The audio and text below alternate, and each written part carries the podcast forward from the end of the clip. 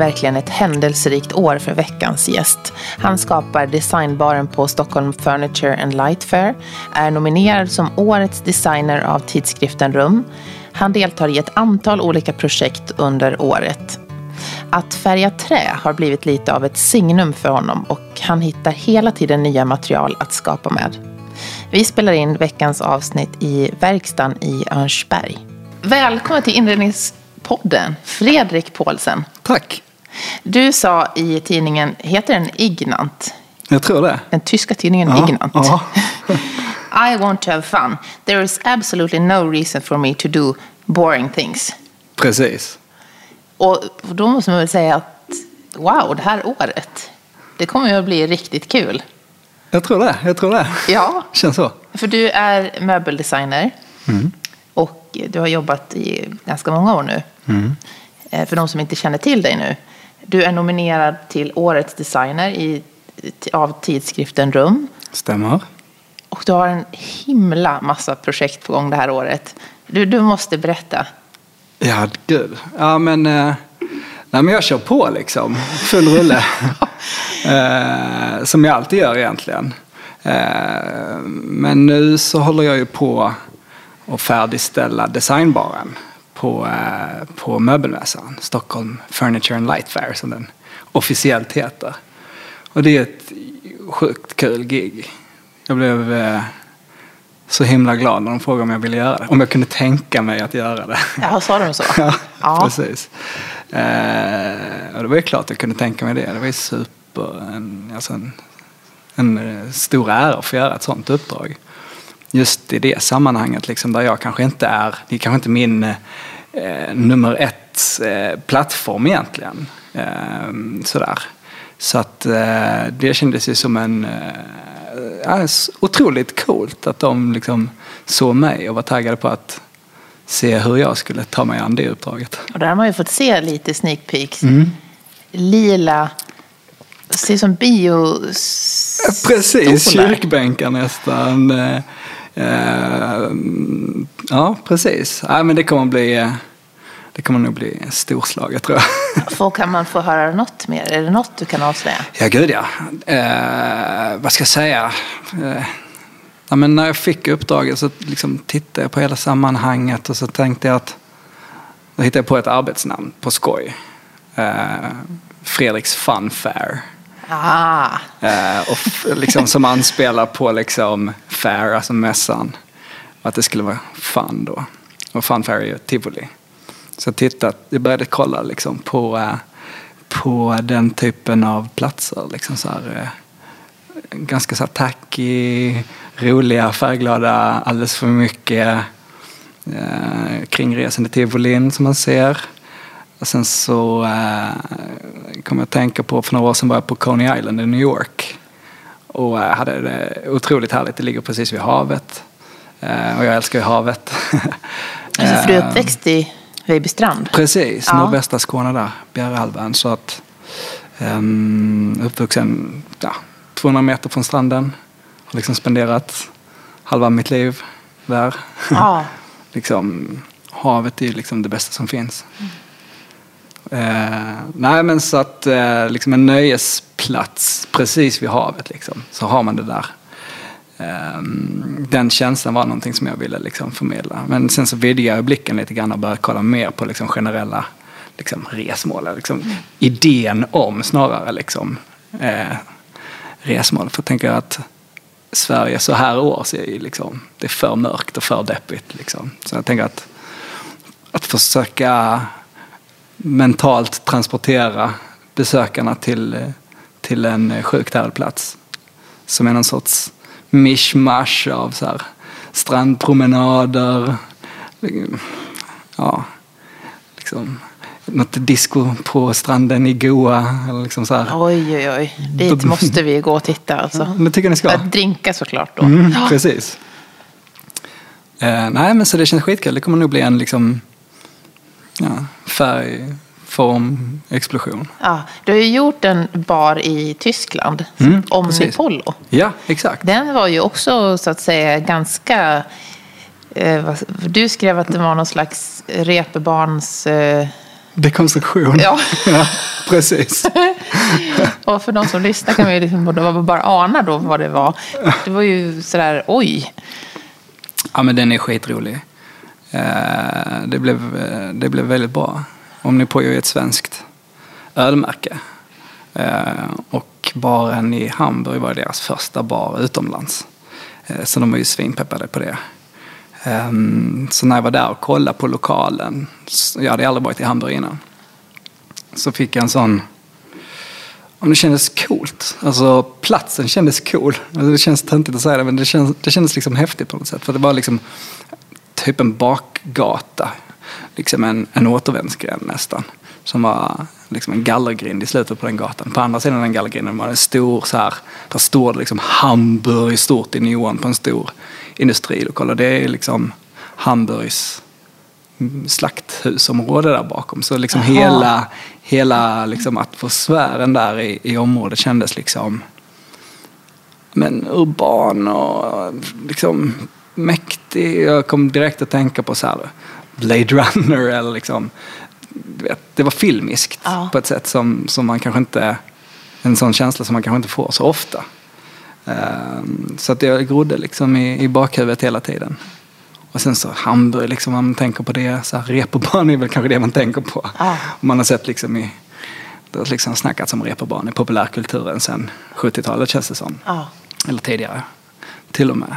Eh, så det är ju en, det, det finns eh, mycket stoff att jobba med känns det som. Eh, så jag har en bar där, liksom fria händer egentligen. En ölbar då? En ölbar, mm. precis. Och de serverar pizza också. Eh, men det är fokus på ölen, verkligen. Uh, nej men så att hela lokalen har jag liksom delat in i, i olika färgfält egentligen. Um, och alla de här färgfälten flyter ihop. Ehm, så att alla färgerna blandas och skapar olika rumsligheter. Så att i baren så finns det liksom ett gult hörn, ett liksom orange hörn, ett rosa hörn sådär. Och då är allting i den ytan är liksom monokromt. Så att, eh, ja men, borden, golvet, stolarna, väggarna, allting är i exakt samma färg. Så det blir lite flummig, alltså det blir ju en, det blir faktiskt en väldigt stark känsla. Alltså det blir påtagligt när man sitter där, när allting är liksom eh, i en färg. Det känns jättespännande. Och även toaletterna är helt så här monokroma. Hur, hur blir det när du gör en till bar nu? Känns det som att ah, nu måste jag hitta något som inte blir som den baren? Eller hur, hur? Nej, så jag tänker aldrig så. Mycket av mina arbeten flyter ihop i varandra. Eh, så att jag känner att för mig är det nog viktigt att eh, jobba konsekvent och långsiktigt. Kanske med, med ett uttryck som, jag, som är mitt. Liksom, sådär. Så det blir ju aldrig samma sak Sådär. Det finns ju olika. Um, ja, kontexten är ju kanske aldrig densamma. Och sen så jag är ju jag. Jag har ju mitt, liksom, min palett eller mitt bagage liksom, att bidra med. Så att... vad, vad är det som är din när du får frågan, så, ah, men vad designar, hur, hur ser din, för de som inte känner till dig, hur designar du? Ja men precis, den är ju, eh, det är svårt att svara på.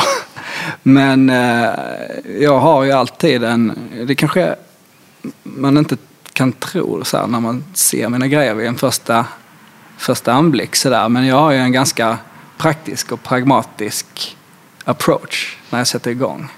Så att um, men allting är, ja, vad ska man säga, um, nästan odesignat. Alltså det är ju superspecifikt ehm, um, allting men jag försöker ha en så uh, pragmatisk uh, förhållningssätt till, till hur jag löser liksom, problemen. Jag liksom grottar ner mig i så här konstruktioner och sådär. Så att jag gör det väldigt, väldigt enkelt på ett sätt. Så här, väldigt, eller till synes enkelt i alla fall. Så här, bultar ihop saker och ting. Liksom, så Och sen så... Äh, För du bygger det mesta själv? Ja, mycket bygger jag själv. Mm. Det började ju så. Äh, utav någon sorts ja, men, eh, när jag var klar med plugget och skaffade den här ateljén Det var liksom, jag hade ju inga uppdrag sådär utan jag fick ju börja någonstans. Eh, då började jag med att liksom bygga allting hit som jag behövde. Så gjorde jag det. Så liksom, det har varit naturligt för mig att, liksom, att göra det själv. Och jag, liksom, eh, jag är så otålig. Allting måste bli klart. Liksom. Jag orkar liksom inte eh, du vet, bygga någonting, köra det till någon lackeringsfirma, lacka det, vänta, eh, betala massa pengar för att få det gjort, hämta det liksom. Utan, nej fan, jag körde på liksom. Så att eh, den, eh, den, eh, vad ska man säga, den processen på något sätt har ju också bidragit till att forma estetiken som jag jobbar med. Jag är superintresserad av så material och, och vad olika material betyder. Det liksom. syns ju där vi sitter i din studio. Mm. Den, det är ju väldigt mycket material runt oss. Ja men precis. Och eh, ja, men jag älskar ju att jobba med så billiga, låga material. Material som är eller låga, som anses låga kanske. Alltså material som, som alla har tillgång till. Eh, så, saker från bygghandeln typ. Försöka hitta, se dem med nya ögon och sätta dem i ett nytt sammanhang där det lyfter. Men din färgsättning är ju, sticker ju ut när man tittar på... Det känns som att man ser när det är du som har designat något. Jag tänker på de sakerna bakom dig. Mm. Precis. Det är någon slags infärgad Ja, det... Infärgat trä? Ja, precis. Som inte så, det är väl inte många alls som jobbar med den tekniken? Nej, nej det är det inte. Det var, alltså jag höll på att experimentera med det här skitlänge. Eh, när jag gjorde min master i, på RCA i London. Då började jag med det här. Då var det att jag ville på något sätt skapa liksom, möbler som, som på något sätt känns atmosfäriska på något sätt. Um, och trä liksom. Jag har ju en bakgrund som möbelsnickare. Um, har, alltså trä för mig är så självklart material och alla är så supervana vid att se trä. Men när man nördar ner sig lite grann och kikar på det, så speciellt liksom, trä som har lite mer liv i sig.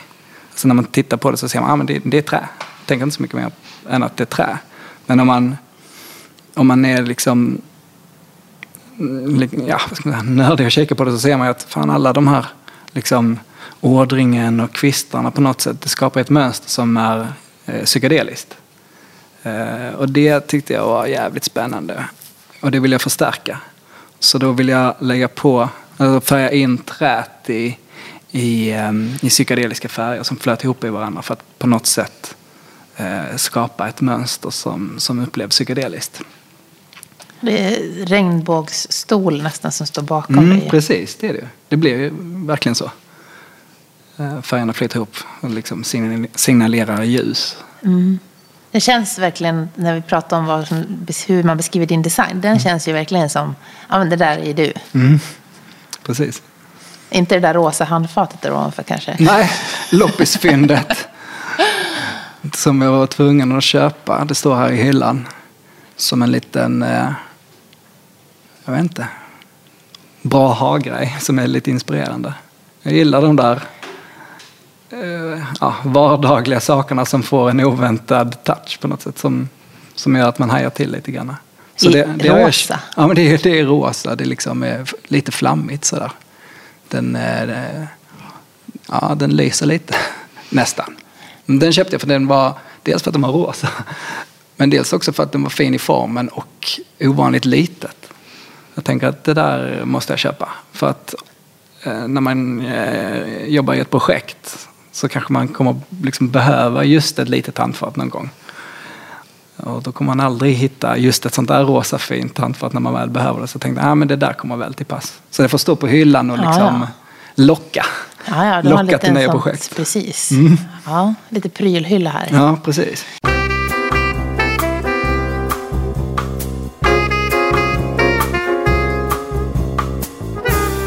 Du köpte 2015 100 meter trästav då. Precis. Och av det gjorde du sen nio unika stolar mm. som du ställde ut i, i Paris. Hur fick du idén att köpa 100, man kan ju bara ana, det går inte ens in här, 100 meter stav? Nej, precis. Det var ju ja, men det var ett sätt för mig att, att eh, begränsas, begränsa mig eller ha någonting att förhålla mig till. För att eh, det var ett galleri i, i Paris. Ett, ja, ett konstgalleri som aldrig hade jobbat med en designer innan. Eh, de ville att jag skulle göra en utställning där.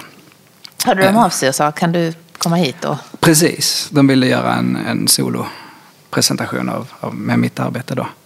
Då hade jag ju liksom ganska nyligen haft en, eh, en, eh, en, en solo i Köpenhamn på mitt galleri. Och liksom, Eh, som bara var de här färgglada, liksom, regnbågiga eh, prylarna. Eh, och de gillade, de gillade det, men de bara sa, ah, men vi vill inte, vi vill inte att du ska göra någonting så här fler, eller liksom, du behöver inte göra någonting så här batikat liksom, utan gör någonting annat. Jag bara, aha, shit, okej. Okay. Vad fan ska jag göra? Fråga på skoj sådär. Och de bara, ah, men gör bara en, en stor hög med pinnar. Okej. Okay. I mitten på galleriet. Det, det, gör det. Jag bara, vad fan ska jag göra? Det kändes ju jävligt konstigt liksom. Jag tänkte i den kontexten, eh, liksom, nytt sammanhang. De vill att jag ska göra en jävla hög med pinnar där. Så tänkte jag, nej det blir konstigt liksom. Så jag tänkte, ja men vad fan. Jag köper 100 meter liksom, furustavar. Och sen så eh, får jag göra någonting med dem. Det känns skönt att liksom sätta, sätta upp någon sorts begränsning för sig. Så, ja, men 100 meter, vad kan jag göra med det? Så börjar jag skissa på stolar. För det är ju, stolar är ju liksom det som jag tycker är roligast att göra. Då ritade jag ett system um, på en stol. Du fick, in hela, du fick in de där hundra meterna stav in Ja men då? precis. Det, alltså, volymen på det liksom blir inte så stort okay. mm. ändå. Sådär. De där stavarna var så 30 gånger 30 millimeter. Så, jag kommer inte ihåg hur långa de var. De var kanske fyra meter långa. Ah, okay. Något sånt. Mm. Så det var ju en hög. Liksom, ja. sådär. Uh, men, men, men själva liksom materialet tog inte sådär jättemycket plats egentligen i ateljén. Men så började jag rita stolar så hittade jag liksom på ett system liksom. Så man kunde variera. Och så skissade jag fram sjukt många varianter på den här stolen. Jag vet inte hur många men liksom. En, eh, en rejäl liksom, klump med stolar.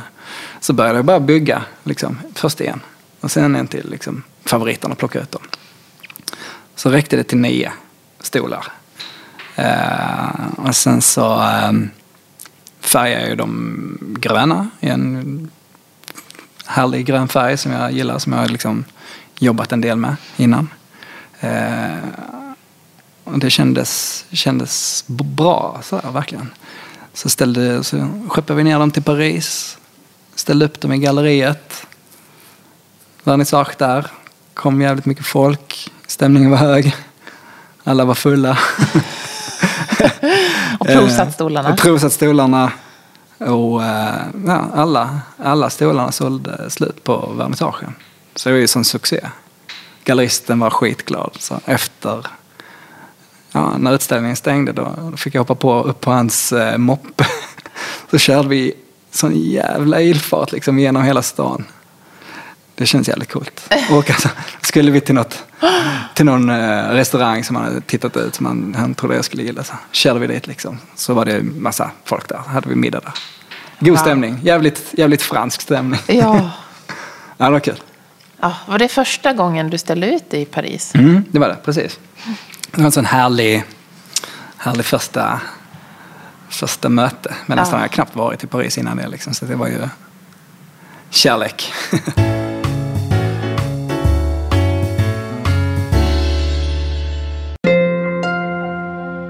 Gå gärna in och prenumerera på Inredningspodden med Johanna Hulander så får du en notis när nästa avsnitt släpps. Gå också gärna in och skriv ett omdöme eller en recension så att ännu fler hittar just till den här podden. På inredningspodden.com finns alla avsnitt samlade för olika sätt att lyssna, till exempel Spotify, iTunes eller Acast. Du vet väl om också att det finns ett 60-tal avsnitt med många olika spännande gäster i arkivet. Följ också podden på Instagram. Där finns vi under ett inrednings podden och på Facebook ett inredningspodd. Där kan du skicka meddelanden, se korta filmer från varje avsnitt och för samarbeten och sponsring så mejla till info joelhome.se.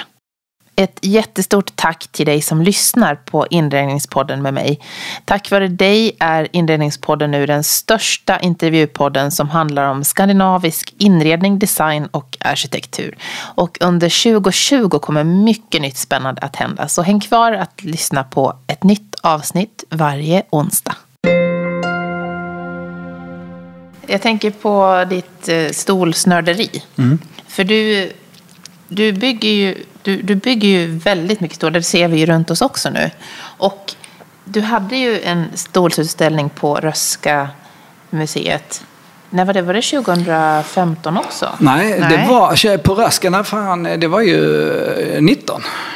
Ja, det var 19 ja. Precis. Ja, ja, här är vi, just det. Ja, tiden den går ja. så jäkla snabbt. Det Nej, tyckte men... jag var lite coolt, för du ställde ut ett antal stolar och sen bjöd du in eh, besökarna. Precis. Att, eh, att också komma med idéer på en stol, eller bygga stolar. Mm.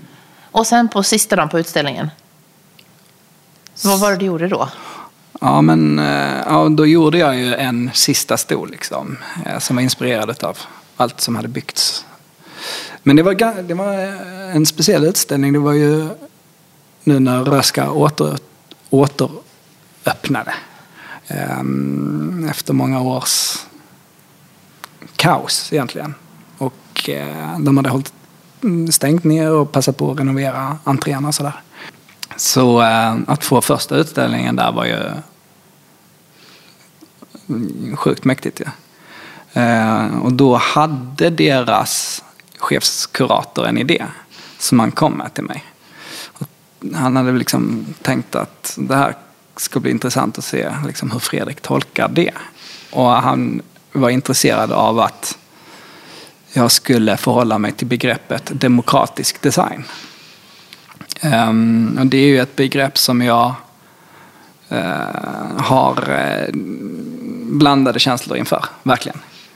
För uh, ja, men dels är det ju ett begrepp som känns hijackat av Ikea till exempel. Och Sen så tänkte jag, vad fan måste, måste design vara demokratisk? Det kanske det inte måste vara egentligen. Lika lite som konst måste vara demokratisk. Eller sådär. Men det var ju eh, extra kul att jobba med det temat i och med att jag ja, var lite kritisk mot, mot, mot begreppet. Men jag är inte kritisk till liksom, demokrati i sig. Eller liksom så. Det, vem kan vara det egentligen? Så, så det var sjukt spännande. Eh, Fick ni in många förslag då? Blev det många stolar? Ja, det var, blev det. Det var ju um, i en sal där på museet som var 300 kvadrat, avlång. Um, så det var ju liksom en um, ja, 30 meter lång lokal egentligen. Och längs, längs hela väggen så gjorde jag en installation som var ett hyllsystem. Ehm, som var så rätt smarrigt ut, alltså när det var tomt.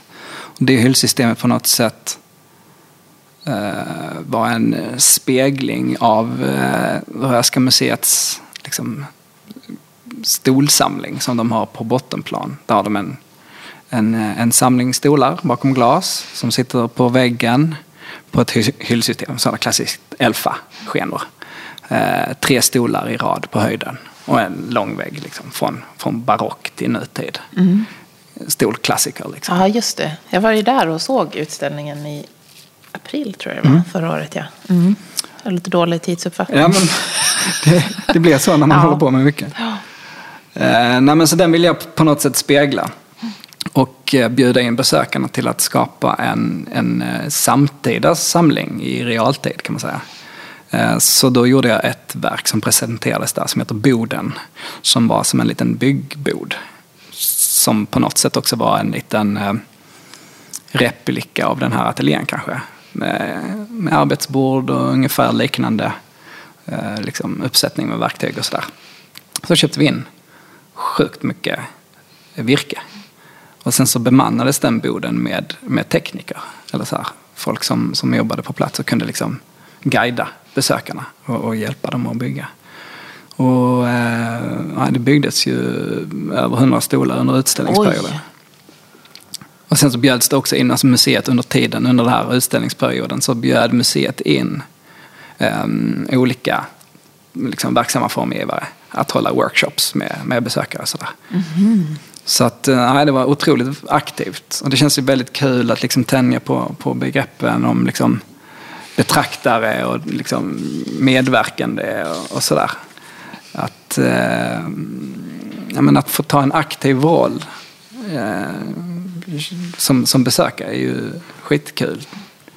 Öppnade ett, ett lite, en ny sida hos dig? Just att när, man, när du fick in input från så många andra. Ja men verkligen. Alltså ehm, hela, hela liksom idén med, med utställningen lite grann var ju då att, att under utställningsperioden så skulle besökarna bygga och eh, på finissagen så skulle jag eh, göra en performance i utställningen. Där jag då eh, på tid Jaha, på tid också? Ja, men lite på tid. För att, vad heter det? det var ju sjukt svårt, men eh, besökarna fick på sig två timmar att bygga en stol. Då, då. Det var, liksom, det var en, en regel som, som museet hade satt upp för att kunna hantera flödet där inne. Ehm, så då var det ju rimligt att jag hade samma tid på mig också. Men att komma dit och inte ha sett det som hade byggts och liksom på något sätt försöka göra en snabb analys och hitta liksom hitta hitta någonting att gå på. Jag, jag hade en idé från början att ja, men då ska jag kanske hit, se en detalj på en stol, en annan detalj på en annan stol. Så där. Men då blev det liksom så specifikt. Då blev det kanske, kanske det skulle blivit liksom fyra stolar, fem kanske, som man hade då valt ut ur den här massan och liksom fokuserat på. Det kändes fel. Så då vill jag hellre liksom, eh, se på det i, liksom, ur ett större perspektiv. Så jag liksom försökte se ja, men vad, vad finns det för strömningar eller vad, vad kan man hitta här som är liksom gemensamt för dem alla. Och sen så gjorde jag en, en stol inspirerat av det. Så komma in två timmar, försöka skapa sig den där överblicken och bygga den där jäkla stolen också. Och eh, ja, inför publik. Ja, oj. Det var svettigt. Men kul, sjukt kul. Men sen blev stolen en del av den permanenta utställningen, eller hur? Ja men precis, exakt. Mm. Så då eh, ska det ju den hängas in då antar jag i liksom sist, sist på ledet där. Som det senaste tillskottet. Som ett exempel på ja, men, design som kanske skapas i en mer kollektivistisk anda. Då. Mm.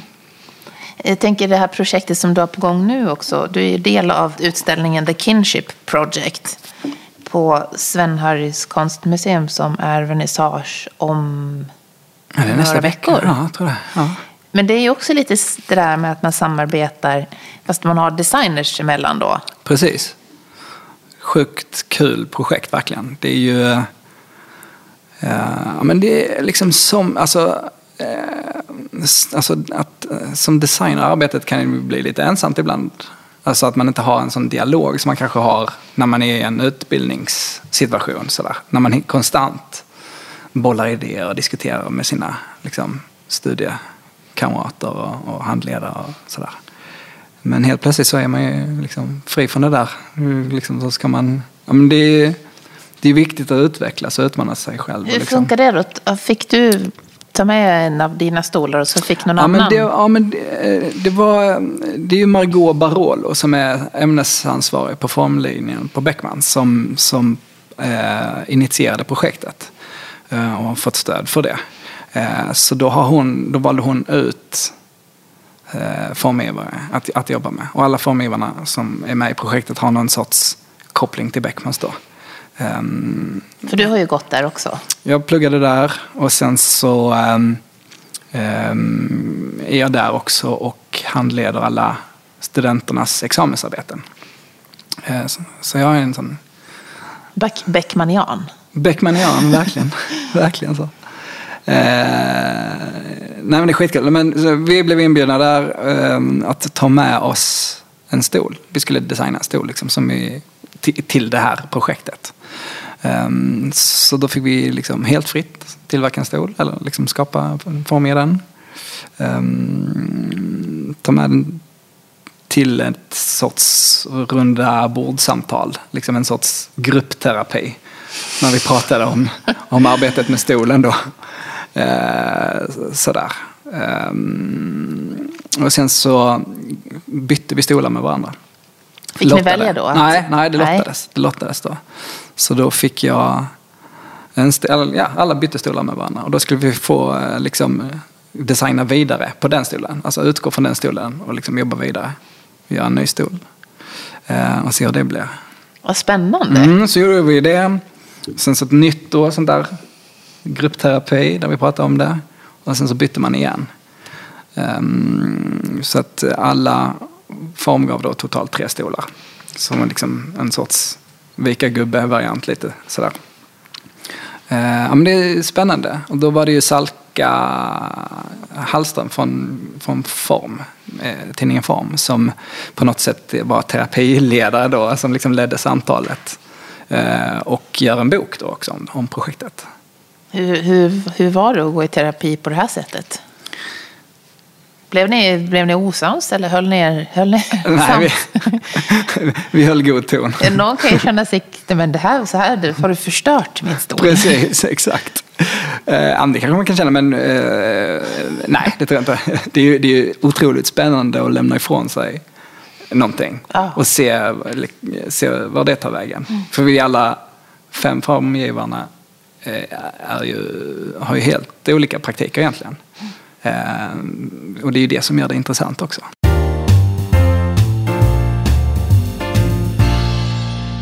Sen du, med det, jag sa ju det i början att du håller på med så många olika projekt.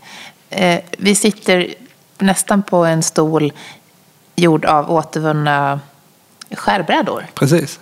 Och det är i projektet Peace. Mm. Och sen måste du också berätta om Läst och Örnsbergsaktionen. De andra projekten. Precis. Det var mycket att läsa in sig på när man, skulle, när man googlade på dig. Men kan du inte berätta om de här återanvända skärbrädorna?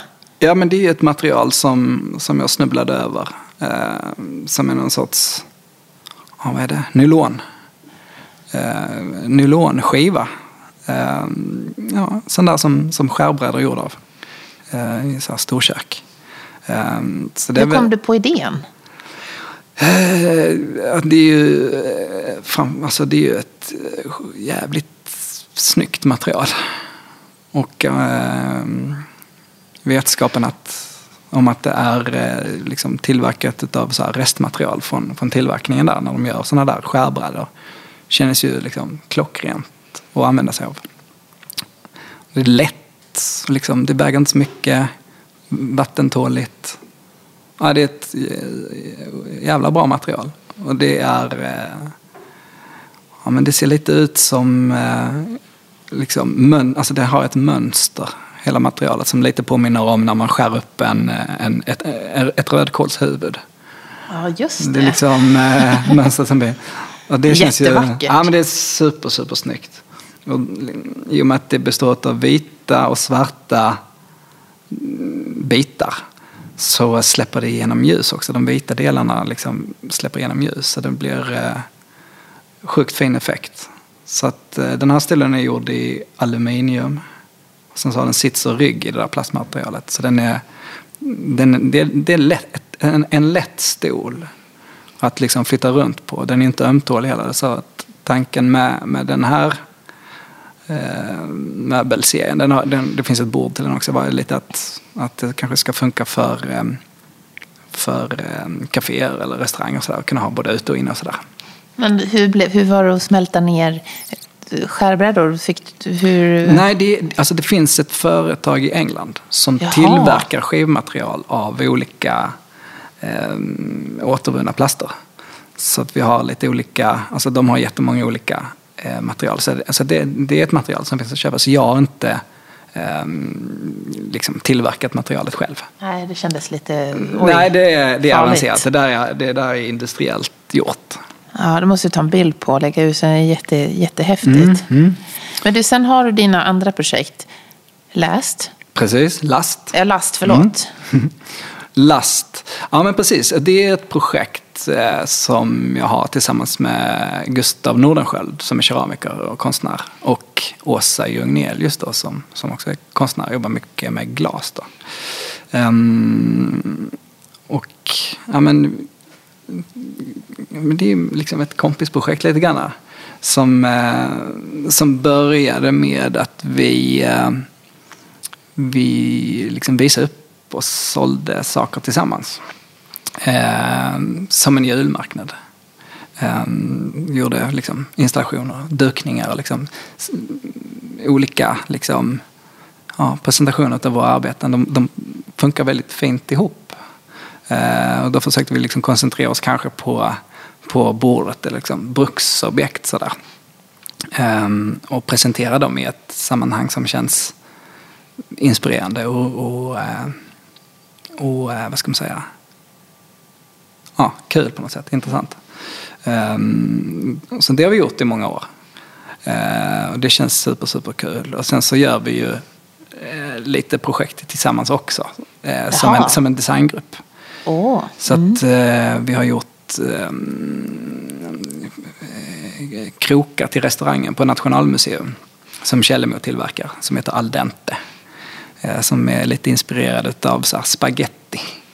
Så att vi tog fasta lite på det där. Eftersom att det är en restaurang så tyckte vi det var roligt att jobba. Ganska bokstavligt med, med mat som, som tema.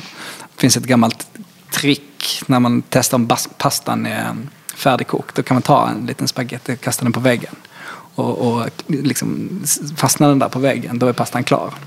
ja, det har jag aldrig gjort. Mm, nej. Ja, ja, det minsann. Eh, Ja, precis. Så, att, så då gjorde vi spagettikrokar då. Eh, Så, så det är lite sånt. Eh, Men ni jobbar. fortsätter att samarbeta? Ja, det gör vi. Det gör vi. Eh, inte så här aktivt, aktivt, men, eh, men, men vi har det liksom som, som en ro, rolig liksom, sidogrej kanske. Och era dukningar, måste jag ju bara tillägga, är ju inte, går inte av för hackor. Det är ju väldigt, väldigt duktiga samarbetspartners. Verkligen, verkligen. Så att det, är, det känns så kul att jobba med, med, med andra människor som har eh, eh, men lite annan liksom, inriktning på, sitt, eh, på sin verksamhet. Men du, sen Örnsbergsaktionen då? Mm. Det är ju det är något av det roligaste jag har gjort. Det är um, en, um, en au- auktion då, utställning um, med uh, experimentell design och konsthantverk. Eh, som jag driver tillsammans med Simon Klenell och eh, Kristoffer Sundin. Och det startade vi 2012 tror jag vi gjorde det första gången. Då hade jag precis flyttat tillbaka till Sverige eh, efter att ha gjort min master där i London. Så här. Och eh, träffade Simon och Kristoffer som precis hade mm, gått ut konstfack. Eh, och sen så kände vi det att fan, finns liksom inte riktigt någon eh, självklar plattform att liksom visa, visa upp det vi gör på. Det liksom saknades lite i Stockholm kände vi. Um, ja, men konstvärlden är ju aktiv. De har ju sina utställningar och vernissage hela tiden. Och, eh, liksom, I Stockholm finns ju så sjukt många formgivare men, men de håller ju sig ofta i sina, på sina kontor. Och eh, sen väntar de på eh, möbelmässan och då visas det och då händer det helt plötsligt jättemycket saker. Ju. Um, men men liksom, om, man gör, om man inte ritar grejer till, till eh, industrin kanske då, och är en eh, liksom etablerad formgivare kanske eller liksom färdig och kanske inte har som mål att presentera produkter som man vill ska komma i produktion. Eh, ja, vill man det då finns det ju Greenhouse som är en jättebra liksom, plattform för det. Men, men annars fanns det liksom inget naturligt sammanhang att, att, att, eh, att visa upp sånt på. Så då tänkte jag, men fan vi måste göra någonting. Ehm, och ehm, då tänkte vi att auktion känns ju skitkul för det är liksom en, en aktivitet. Ehm, ja, om man skulle jämföra med att bara ha en utställning eller en, en shop. Liksom. Eh, Så tänkte jag, men auktion känns jävligt roligt. Det är liksom mm, knutet till en tidpunkt och en plats. Eh, Så då eh, bjöd vi in eh, formgivare som, som jobbar med, ja, men som, som, gör grejer själv. Liksom. Personer ni gillar. Mm, Precis. Ehm, och då gjorde vi en utställning här i ateljén blåste vi ut allt som stod här, alla verktyg, alla liksom, möbler, bänkar och sådär. Så gjorde vi en utställning här. Sen så tänkte vi, ja men Uh, sen så på, och det var under möbeldesignveckan, eh, design week. Um, då tänkte vi, ja men eh, vad bra. Sen så när det blir auktion, då flyttar vi undan grejerna lite grann så kan alla människorna komma in här. Det är 70 kvadrat här. Um, så gjorde vi ett event på Facebook och så bjöd vi in folk. Och liksom efter någon timme så hade vi så 1500 personer som hade liksom tackat ja. Så vi fick lite oj, smått panik. Oj, oj. Så vi började rumstrera runt här i liksom byggnaden och fyllde hela kåken. Så det blev liksom en, eh, ett Berghain för liksom, design. Folk kom hit och, och bjöd på, eh, på liksom, konsthantverk och, och festade. Vi hade disco också. Liksom, så att, eh, wow. ja, det var fest. Folk stod och drack eh, bärs ur, ur liksom, burken som vi sålde där för 20 spänn. Liksom, och sådär. Så det var liksom en, ja men det var ju någonting annat. Alltså, det var ju någonting annat än de här klassiska goodiebag eh, tillställningarna som man kanske är van vid annars. Liksom. Ja. Så att det var ju skönt att liksom göra någonting som, som kändes eh, personligt och som känns liksom, som vi. Liksom, ett sammanhang som vi själva skulle uppskatta. Och det var ju så poppis och det var vi ju tvungna att fortsätta med. Så vi har gjort det i några år nu. Ska ni göra det igen? Mm, vi, eh, vi gjorde det i, tror jag, sju år. Eller, så. jag kommer inte ihåg. Vi gjorde det, eh, vi gjorde det liksom, eh, vi hade liksom, femårsjubileum hade vi på, på Kägelbanan. Och det var ju mäktigt. Och sen så uh, uh, året efter gjorde vi det igen på MDT, Moderna Dansteatern. Um, och det året gjorde vi också i Milano och då kände vi lite att, ah fan, nu, nu behöver vi pausa that's lite. Ja, ah, men inte that's it, men vi behövde nog ta en paus. För att det tar ju så extremt mycket tid. Man tänker inte på det, men det är liksom månader och åter månader av planering inför det. Alltså dels arbetet med att eh, skapa urvalet som vi presenterar och dels hela den logistiken med, med det. Och att skapa liksom, kataloger och, och ordna liksom, platser att vara på. Ja, ni gjorde så ordentligt ja, med kataloger allting, allting, allting, alltså det var ju super, alltså det är superseriöst. Eh, så vi har ju liksom skapat en eh, en eh, stor vad ska man säga, följarkrets liksom som, som verkligen köper. Det säljs ju verkligen. Allting säljs.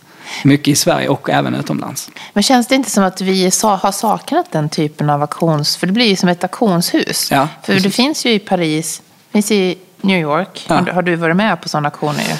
Eh, ja, det har jag. Precis. Men så det var, ni måste ju ha varit först nästan i Sverige med det. Ja, och eh, nästan först i världen skulle jag säga att göra en konstnärsdriven auktion. Mm. ja, men det fick en stor uh, genomslag. Alltså internationellt också. Så att eh, ja, men vi har lite klappa sig själv på axeln men ändå banat vägen lite grann och skapat ett sammanhang som, som, ehm, som rätt, eller inte rättfärdigt, men som visar upp eh, att man kan jobba på andra sätt också. Att det finns liksom en, eh, en yta, alltså man kan nå ut med, med saker som man gör själv på ett helt annat sätt. Mm. Och så blir man ju en del av, tillsammans bygger man ju något Precis. stort. Precis. Mm.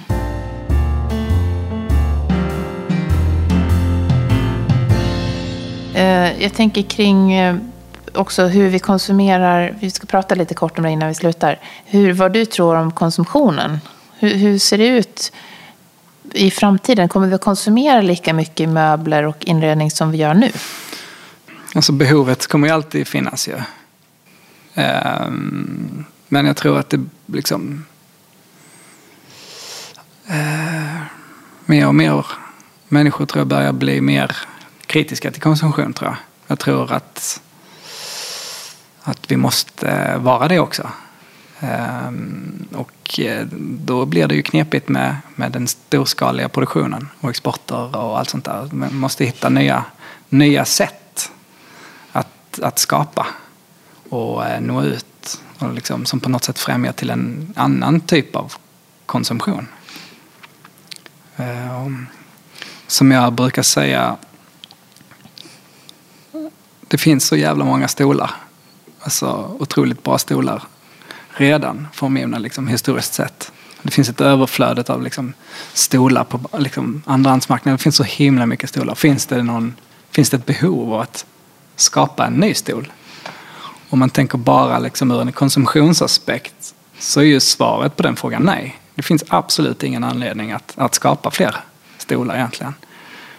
Eh, men om man tittar på det, om man liksom mer jämför eller tittar på liksom design som, som en kulturyttring. Då kan, man tänka, då kan man också jämföra med, med musik eller med film. Liksom. Det finns ju så otroligt många bra låtar och filmer. Finns det en anledning att göra en ny låt eller en ny film? När det finns så många bra som man aldrig har sett. Eh, jo men det gör det ju såklart. Vi måste ju göra nya filmer, stolar, låtar som på något sätt eh, speglar vår samtid. Alltså där, där vi är nu. Så att jag tror på att, att fortsätta skapa. Att skapa liksom verkligen personliga objekt på något sätt. Som kanske inte är till för alla. Som inte är till för att liksom konsumeras i samma utsträckning. Utan på något sätt har, ja, men har en, mindre, en mindre skala på det helt enkelt.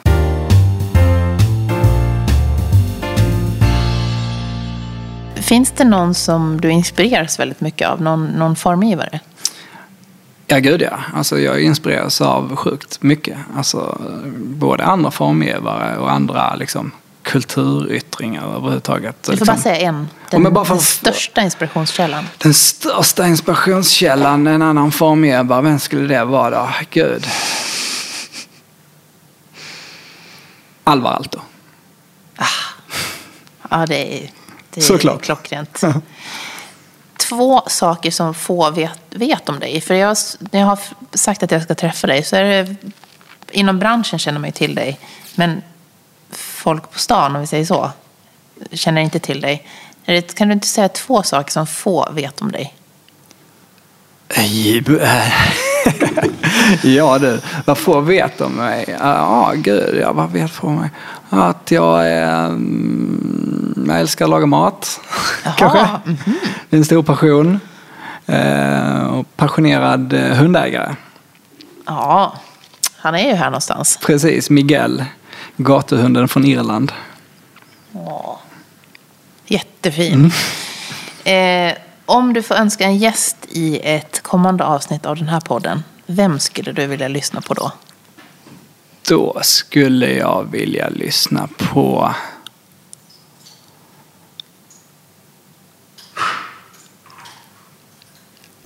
Gud vad spännande. Eh, Ja, då skulle jag nog vilja höra en intervju med... ehm, eller då skulle jag... Nej, fan. Nej, han, vi tar bort honom. Oj, oj, oj, oj. Uh, gud. En... Vänta. Ja, nu vet jag precis. Ja, eh, nej, fan, vänta nu här. Det här är en, det här är en viktig, jävligt viktig fråga. Jag stort, stort allvar. Ja, nu, nu händer det saker. Bra. Nu har vi Ehm, Då skulle jag gärna vilja höra ett samtal med Marion Ringborg och Linn Söderström som eh, driver restaurangen Garba. Oho, det blir en ny utmaning för mig. Precis. Är är det i Stockholm? Det är i Stockholm, precis. Jaha. Och de, eh, det är även de som eh, ska göra maten till, eh, till designbaren. Okej. Så det vore kul att höra, höra hur de har sett på, på vårt samarbete och hur de ser på sin liksom, framtid. De skapar ju mat och sammanhang som känns otroligt eh, levande. Spännande. Om man vill komma i kontakt med dig, hur når man dig? Ja, men det är nog lättast det är nog eh, via Instagram kanske. Ja. Ett Fredrik Paulsen. Ja, skicka ett DM där. Tusen tack Fredrik. Tack själv.